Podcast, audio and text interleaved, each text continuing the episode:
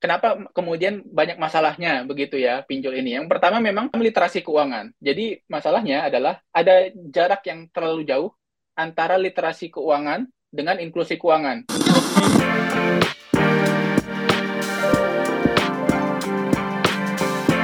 Hai sahabat TCID, kalian sedang mendengarkan podcast Suara Akademia. Ngobrol seru isu terkini bareng akademisi selalu hangat gitu kalau kita berbicara soal pinjol ya. Um, iklannya selalu update di YouTube. kalau kita nonton video apa pun gitu di YouTube, ada aja pinjol yang jadi iklan. Terus juga kalau ngebuka di timeline uh, sosial media, Instagram ataupun Twitter, kadang-kadang nongol tuh iklan pinjol gitu di sponsored uh, post gitu. Dan kemarin rame di timeline Twitter gitu sobat isi ID ada satu orang yang sempat menggunakan platform pinjol gagal bayar, ditagih dan akhirnya merasa depresi dan bunuh diri. So, ini menjadi permasalahan yang sebenarnya uh, cukup membuat miris, tapi problematika soal pinjol ini nggak selesai-selesai gitu. Dari pandemi, platform pinjol makin banyak, yang ilegal buset angkanya banyak banget yang legal pun juga tetap ada masalahnya gitu. So, kita bakal ngobrol soal problematika pinjaman online di Indonesia buat uh, Suara Akademia kali ini. Nama saya Muhammad Syarif, saya podcast produser dari TCID. Dan buat episode kali ini kita bakal ngobrol bareng sama Mas Izudin Al Faras Adha. Beliau adalah peneliti um, dari Center of Digital Economic and SMEs-nya Indef ya, Institute for Development of Economics and Finance. Halo, Mas Faras, apa kabar Mas? Halo, kabar baik Mas Arif, semoga sehat juga ya Mas. Alhamdulillah sehat. Nah, Mas Faras, uh, mungkin kita sekarang ngobrolin soal pinjol dan dimulai dari pertanyaan yang basic dulu nih. Makin hari makin banyak masalahnya nih Mas Faras soal pinjaman yeah. online ini. Gimana ya kalau ngelihat permasalahan yang baru-baru ini hangat jadi um, topik obrolan di mana pun gitu Mas Fares. Iya, khususnya yang ada kami ini ya. Ya, um, ya jadi memang ini mengagetkan uh, karena kenapa? Karena ada kami ini kan legal gitu ya, oh. artinya terdaftar dan diawasi oleh OJK. Hmm. Yang selama ini kita dengar kan uh, kasusnya banyak kan itu sebenarnya terkait dengan pinjol ilegal. Nah, hmm. kali ini makin ramai karena dari kasusnya pinjol ile pinjol legal. Hmm. Nah, ini yang kalau ini sudah menjadi ranah OJK karena kalau yang ilegal kan uh, ranah utamanya karena kepolisian. Nah, hmm. kalau ilegal ini utamanya OJK yang artinya ini apa kecelakaan di depan halaman rumah sendiri kira-kira begitu. Nah, ini yang harus menjadi perhatian artinya pengawasan OJK uh, eh, seperti apa, kemudian juga di sisi lain dari AFPI Asosiasi Fintech Pendanaan Indonesia atau Asosiasi fin, Pinjol begitu ya dari hmm. pelaku usaha itu juga mereka sudah ada kode etik sebenarnya. Nah, artinya hmm mekanisme pengawasannya nih dari baik dari AFPI yang secara internal seperti apa, khususnya juga OJK itu yang uh, perlu kita telah lebih lanjut itu. I see. Tapi kalau kita berbicara soal pinjol sendiri nih Mas, mungkin uh, teman-teman dari Indef udah sering ngeliatin gelagatnya para uh, platform pinjol dan juga pengguna pinjol gitu. Tiap tahun makin naik gitu loh nih Mas Faras gitu.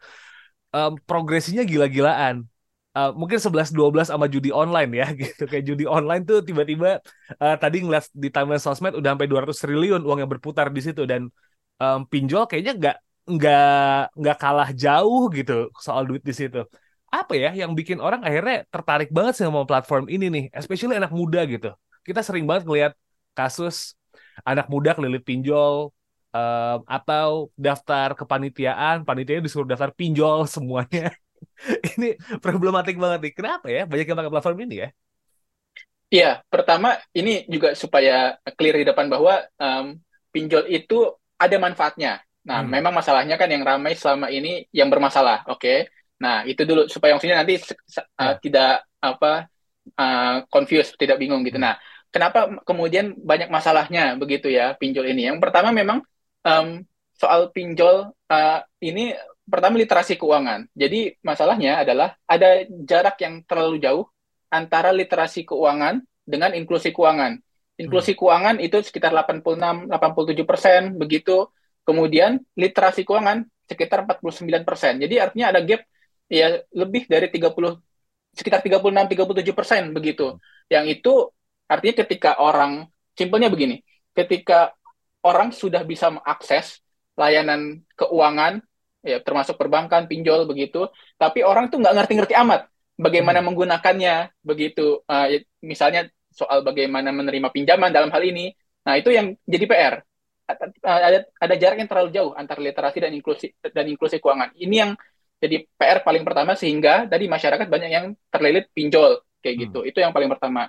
Kemudian yang kedua tadi sudahlah literasi keuangannya kurang. Pers apa dari sisi regulasi, artinya penilaian kredit itu masih sendiri-sendiri dari pelaku usaha pinjol. Hmm. Yang mana misalnya kita uh, meminjam begitu ya uh, ke pinjol A begitu. Ini yang legal ya. Kita pinjam ke uh, pinjol A, kemudian kita tidak mampu bayar. Uh, itu kan artinya kita harus membayar begitu. Ada kewajiban untuk membayar. Kita cari cara bagaimana caranya kita uh, kemudian uh, oke okay, kita cari cara kita pinjam ke pinjol B mudah hmm. dapatnya kemudian kita bisa bayar hutang ke pinjol A tapi kita jadi punya hutang ke pinjol B jadi gali lubang tutup lubang dan hmm. kecenderungannya gali lubang tutup lubang lubang yang digali itu lebih dalam lagi nah yeah. itu yang kemudian um, harusnya bisa ada satu sistem penilaian kredit yang kayak terjadi di perbankan perbankan itu ada slick begitu ya sistem hmm. uh, di yang ter, yang terpadu begitu sehingga ketika kita pinjam ke bank A kemudian gagal bayar kita tidak bisa ke pinjam ke bank-bank lainnya sulit lah ya. begitu nah ini yang belum berlaku yang sekarang sedang diusahakan oleh OJK supaya bisa uh, terintegrasi penilaian kreditnya begitu itu hmm. setidaknya dua itulah So the problem is bukan platformnya yang legal ya kita nggak bicara yang ilegal dulu nih bukan platform yeah. yang legal yang ada tapi justru malah memang masyarakat yang aksesnya gampang tapi mereka belum tahu cara memakainya dengan bijak dong. So basically that's the problem nih Mas Faras. Ya, itu tadi literasi yang terlalu jauh jaraknya dengan inklusi keuangan. Hmm. Nah, itu yang memang ini artinya ya peran uh, semuanya juga, artinya masyarakat juga, pemerintah juga, pelaku usaha juga, yang khususnya yang punya uh, power itu kan pemerintah dan pelaku usaha. Jadi artinya ya pemerintah itu bagaimana caranya supaya uh, pemerintah bersama dengan uh, pelaku usaha itu tidak hanya mendorong inklusi keuangan, artinya menawarkan begitu ya produk-produk keuangan, tapi juga ketika mereka menawarkan produk keuangan itu disertai juga dengan peningkatan uh, kapasitas wawasan terkait dengan apa yang ditawarkan itu sekarang kita berbicara kasus nih, gagal bayar udah banyak banget gitu. Mungkin beberapa rumah dari uh, tempat tinggal kita tuh ada temen yang gagal bayar, atau mungkin ada temen yang udah biasa diteleponin ya, atau mungkin Mas Faras ada punya temen yang sering dijadiin uh, sasaran tembak buat nagihin temennya yang lain gitu. Itu kasusnya udah, wow banyak banget. Nah, um, tadi Mas Faras sempat bilang ada kecelakaan, ini kayak kecelakaan gitu di halaman rumah sendiri. Kalau um, pinjol yang legal gitu tiba-tiba kode etiknya dilanggar gitu. Nah, ada yang salah dong artinya dari cara penagihan platform ini. Kok kayaknya banyak banget ya Mas ya penagihan-penagihan platform ini tuh kayak melanggar kode etik gitu. Ini satu dari sekian kasus. Ada yang kemarin di TikTok juga ngeliatin ada um, debt collector mesenin makanan pakai Gojek. Terus ketika makanannya datang, itu driver Gojeknya suruh uh, ngasih handphonenya ke penerima makanan gitu ini kenapa ya uh, platform pinjol ini bisa ngeri itu gitu lagi duitnya. Ada kode etik yang dilanggarkah supaya akhirnya bisa tetap dibayarkan atau gimana nih? Iya, ini eh, yang apa kita spesifik kalau yang legal ya, ini supaya hmm. Eh, pendengar juga clear. Karena yang kalau yang ilegal sudah pasti biasanya bermasalah ya. begitu. Hmm. Nah, kalau yang legal ini tadi sudah ada panduannya, bagaimana cara menagihnya, juga regulasinya. Artinya yang kemudian kemarin kan kita dengar uh, beberapa waktu lalu uh, itu kita dengar konferensi pers yang itu juga harus diusut oleh ada kami uh, oleh AFPI juga oleh OJK kira-kira ini apakah dari ada kami secara institusi itu tidak mengikuti panduan dan regulasi? Ataukah memang di lapangan itu yang orang yang melakukan penagihan itu memang tidak mengikuti panduan yang sudah ada di institusi ada kami itu? Atau bagaimana? Ya itu yang kemudian harus diusut lebih lanjut. Nah, hmm. itu juga yang harusnya juga terjadi di pinjol-pinjol lainnya. Artinya seluruh pinjol yang legal itu harus mengikuti regulasi dan panduan terkait dengan penagihan karena itu sudah ada standarnya dan tidak bisa sembarangan untuk melakukan penagihan apalagi sampai uh, meneror orang-orang yang seharusnya tidak tidak bisa ditagih begitu. Oke, tapi what standarnya kayak gimana ya Mas Fares? Ya, mungkin bisa di-share gitu ke pendengar karena kan selama ini kalau orang uh, meminjam uang di pinjol itu identiknya pasti debt kolektornya jahat nih gitu banyak banget cuplikan-cuplikan debt collector yang uh, ngomongnya kasar lah, terus ngancem kayak kudatangi rumahmu lah atau sampai benar-benar ancaman uh, pembunuhan gitu. Ada standarnya kayak gimana sih sebenarnya kalau buat penagihan itu? Karena so far yang berkembang di luar kalau udah minjem dipinjol dan gagal bayar itu debt collectornya pasti sembarangan tuh gitu. Iya, setidaknya OJK itu punya empat panduan etika dan cara penagihan utang. Yang pertama itu tidak menggunakan ancaman atau mempermalukan nasabah atau peminjam. Hmm. Begitu. Jadi kalau peminjam itu sudah diancam, di, apalagi dipermalukan, nah itu berarti sudah uh, patut diduga melanggar etika dan cara penagihan dari OJK. Itu yang pertama tadi, tidak menggunakan ancaman atau mempermalukan. Yang kedua, tidak menggunakan kekerasan fisik, verbal maupun verbal dalam penagihan. Artinya kekerasan uh, apa si penagih itu sudah uh, berkata kasar hmm. apalagi sampai sentuh kita aja gitu ya mendorong atau apa pun itu itu sudah melanggar etika begitu dalam uh, penagihan yang ketiga dilarang menyebarkan data pribadi terkait proses penagihan utang nah ini yang tadi kemudian kalau misalnya ada saudara kita tetangga kita kenalan kita yang dikontak padahal tidak terkait dengan hutang tersebut nah itu juga sudah bermasalah hmm. karena tidak boleh menyebarkan data pribadi dalam penagihan hutang yang keempat tidak menagih ke pihak lain yang bukan berhutang. Begitu. Jadi tadi hmm. termasuk juga saudara, tetangga, kerabat dan seterusnya. Nah, empat ini yang jadi panduan etika uh, cara menagih utang yang sudah ada di OJK. Begitu. Dan ini harus dipatuhi oleh seluruh pelaku usaha pinjol legal yang ada di Indonesia. Alright. Uh, ancamannya apa ya? Kalau boleh tahu kalau misalnya melanggar gitu, apakah emang benar-benar platformnya tidak diberikan izin lagi atau cuma peringatan-peringatan doang nih? Gimana Mas Faras? Ya, ya itu nanti ada bertahap begitu hmm. ya. Bahkan yang paling paling uh, keras itu pidana begitu. Nah oh, itu nanti tergantung dengan uh, tindakan apa yang dilakukan oleh uh, ketika melakukan penagihan. Apakah um, sampai melakukan kekerasan bahkan membunuh, nah itu tentu sudah pidana. Begitu nanti tergantung levelnya, uh, level uh, kekerasannya atau cara menagihnya seperti apa. Alright ini kan kayaknya kita nggak mungkin bisa ngestop uh, platform pinjol benar-benar dilarang ya. At least sampai hari ini kita ngobrol nih Mas Faras gitu. Karena juga yeah. sebenarnya buat orang yang bijak pun pinjol helpful banget kalau misalnya tiba-tiba yeah. um, butuh uang secara cepat, nggak bisa megang cash gitu, um, tinggal ngajuin platform di pinjol mungkin bisa save them gitu. Uh, yeah. Tapi kalau misalnya memang akhirnya tadi literasi keuangan yang nggak bagus, masalah ini bakal jadi kayak snowball effect, bakal lebih gede, lebih gede, lebih gede, lebih gede lagi gitu. What's the impact ya kalau kita berbicara soal what if gitu? Impact apa aja nih yang bakal mungkin kejadian kalau misalnya makin mudah buat mendapatkan gitu kan? Uh, promosinya makin gila-gilaan, bahkan nggak cuma di online aja, di uh, billboard pun sekarang dulu sempat ada gitu beberapa pinjol yang di billboard, tapi masyarakat literasinya segitu-gitu aja nih Mas Faras. Nah, ya ini juga memang ada PR ya. Pertama, pelaku usaha pinjol legal itu sah untuk melakukan hmm. pemasaran atau marketing atau beriklan di mana pun uh, sesuai dengan peraturan perundang-undangan yang berlaku itu sah-sah hmm. saja begitu. Nah, kemudian kan tadi PR-nya masih di uh, literasinya begitu uh, ketika masyarakat dicokokin iklan dari beragam pinjol tapi ketika sudah download kemudian uh, minjam nggak begitu paham. Nah, hmm. ini yang justru menurut saya penting penting juga OJK uh, itu juga beriklan begitu uh, secara masif supaya literasi keuangan masyarakat itu meningkat. Dan bahkan kalau misalnya dirasa perlu OJK bisa mewajibkan uh, para pelaku usaha pinjol ini sebelum menawarkan produk itu harus juga mempromosikan li, uh, literasi keuangan artinya meningkatkan hmm. keilmuan atau uh, pengetahuan dari uh, calon peminjam atau peminjam untuk uh, mengetahui dulu produknya seperti apa baru bisa meminjam. Jadi ada screening yang lebih ketat sebelum hmm uh, klik submit untuk melakukan pinjaman. Nah, itu yang sebenarnya sudah ada uh, beberapa pinjol itu misalnya contoh. Jadi adalah pinjol itu yang uh, harus men, apa, mengunggah begitu atau membuat simulasi, membuat simulasi dari uh, ap, apabila uh, dia melakukan pinjaman sekian, kemudian uh, bunganya akan jadi seperti apa dan pembayarannya seperti apa dalam kurun waktu tertentu. Itu sudah ada pinjaman seperti itu. Tapi hmm. itu karena tidak diwajibkan oleh OJK, jadi ya artinya hanya uh, kemauan dari pinjol tersebut saja, yang mana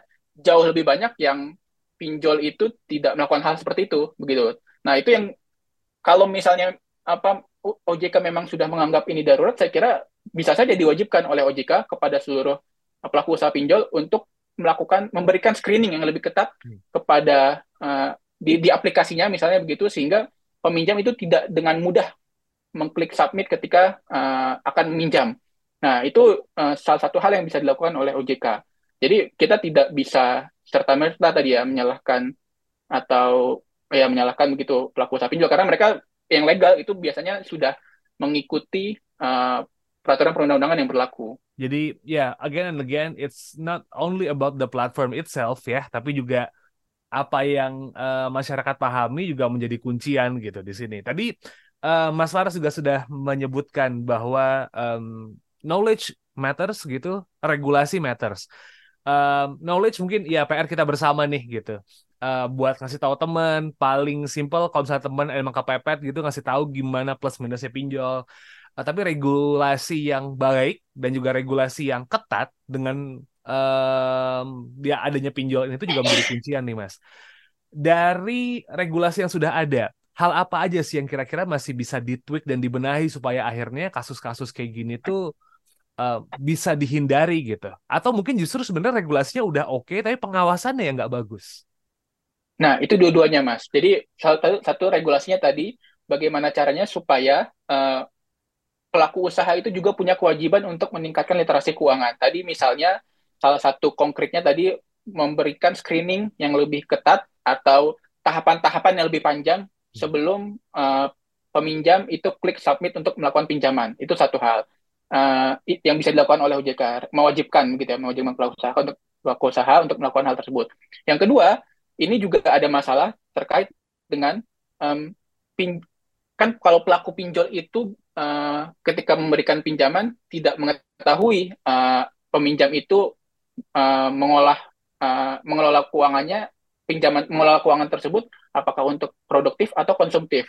Nah, hmm. sementara trennya uh, be beberapa waktu terakhir itu kecenderungannya adalah lebih banyak uh, pinjaman itu untuk konsumtif dibandingkan produktif bahkan sekarang 64 persen bulan Juni bulan Juli kemarin itu lebih uh, pinjaman itu untuk konsumtif dibandingkan produktif itu yang itu kemudian bermasalah artinya tadi padahal ini bisa sangat bermanfaat kalau misalnya produktif begitu sebelum sebelumnya sempat produktif begitu nah artinya mungkin bisa dipertimbangkan juga oleh OJK kalau misalnya OJK itu untuk sementara waktu melakukan stop uh, penyaluran pinjaman, uh, artinya mewajibkan ya, mewajibkan pelaku usaha untuk sementara waktu stop pin pemberian pinjaman kepada uh, pelaku uh, peminjam yang uh, menggunakannya untuk konsumtif, hmm. begitu. Nah ini tadi bisa di screeningnya, tadi misalnya uh, kalau misalnya usaha produktif itu biasanya katakanlah punya uh, PT begitu ya, punya status badan hukum tertentu begitu, dan kemudian juga melampirkan katakanlah um, apa rekeningnya begitu hmm. sehingga ketika misalnya dirasa sehat akhirnya baru bisa mendapatkan pinjaman. Nah ini yang um, bisa juga dipertimbangkan oleh OJK untuk supaya mengembalikan pelaku usaha ini supaya menyalurkan pinjaman ke uh, peminjam yang produktif begitu karena trennya cenderungnya semakin banyak uh, peminjam ini yang konsumtif begitu. Nah itu yang kedua terkait dengan regulasi. Nah, juga dalam hal ini di sisi lain juga pengawasan. Nah, pengawasannya ini yang memang harus lebih ketat dari OJK karena regulasinya sebenarnya sudah yang saat ini itu masih banyak yang harus uh, apa tadi ya ditambahkan di sisi lain pengawasannya ya seperti yang ter, uh, terjadi pada ada kami ini gitu uh, ada kami ini legal tapi terjadi uh, penagihan yang uh, semena-mena begitu nah ini artinya kan menjadi pertanyaan buat OJK juga apakah pengawasannya sudah cukup ketat. Nah, ini yang sementara OJK juga punya cabang di berbagai daerah begitu. Nah, ini sebenarnya bisa dilakukan oleh OJK untuk apa meningkatkan pengawasannya dari regulasi yang sudah ada selama ini. Kalau misalnya disimpulkan gitu Mas Faras uh, apa ya?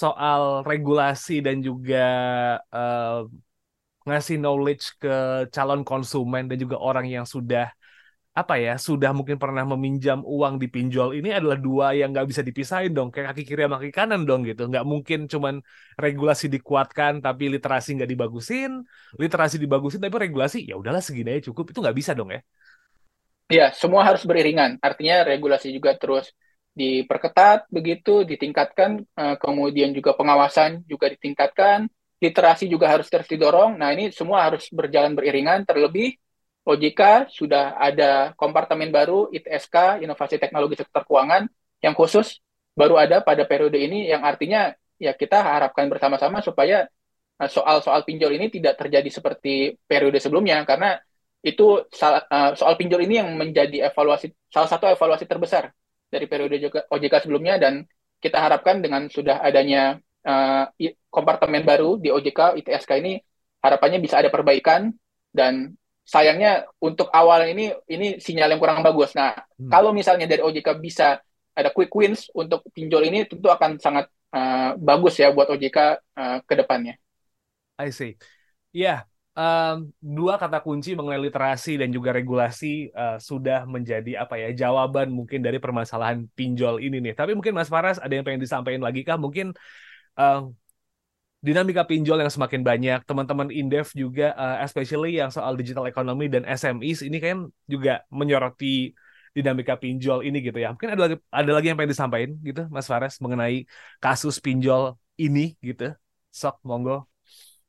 Ya, jadi yang kita lihat uh, soal pinjol ini banyak yang terjerat itu yang kelas ekonomi bawah, menengah bawah hmm. atau bawah begitu.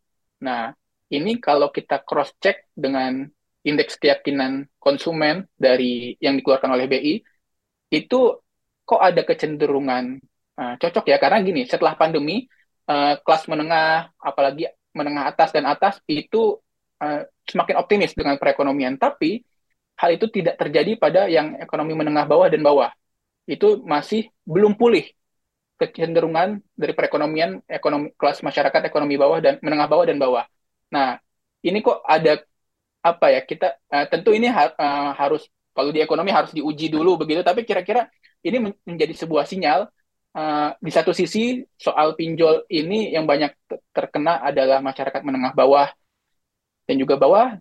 Di sisi lain juga indeks keyakinan konsumen ini uh, juga belum pulih untuk kelas masyarakat ekonomi bawah dan menengah bawah.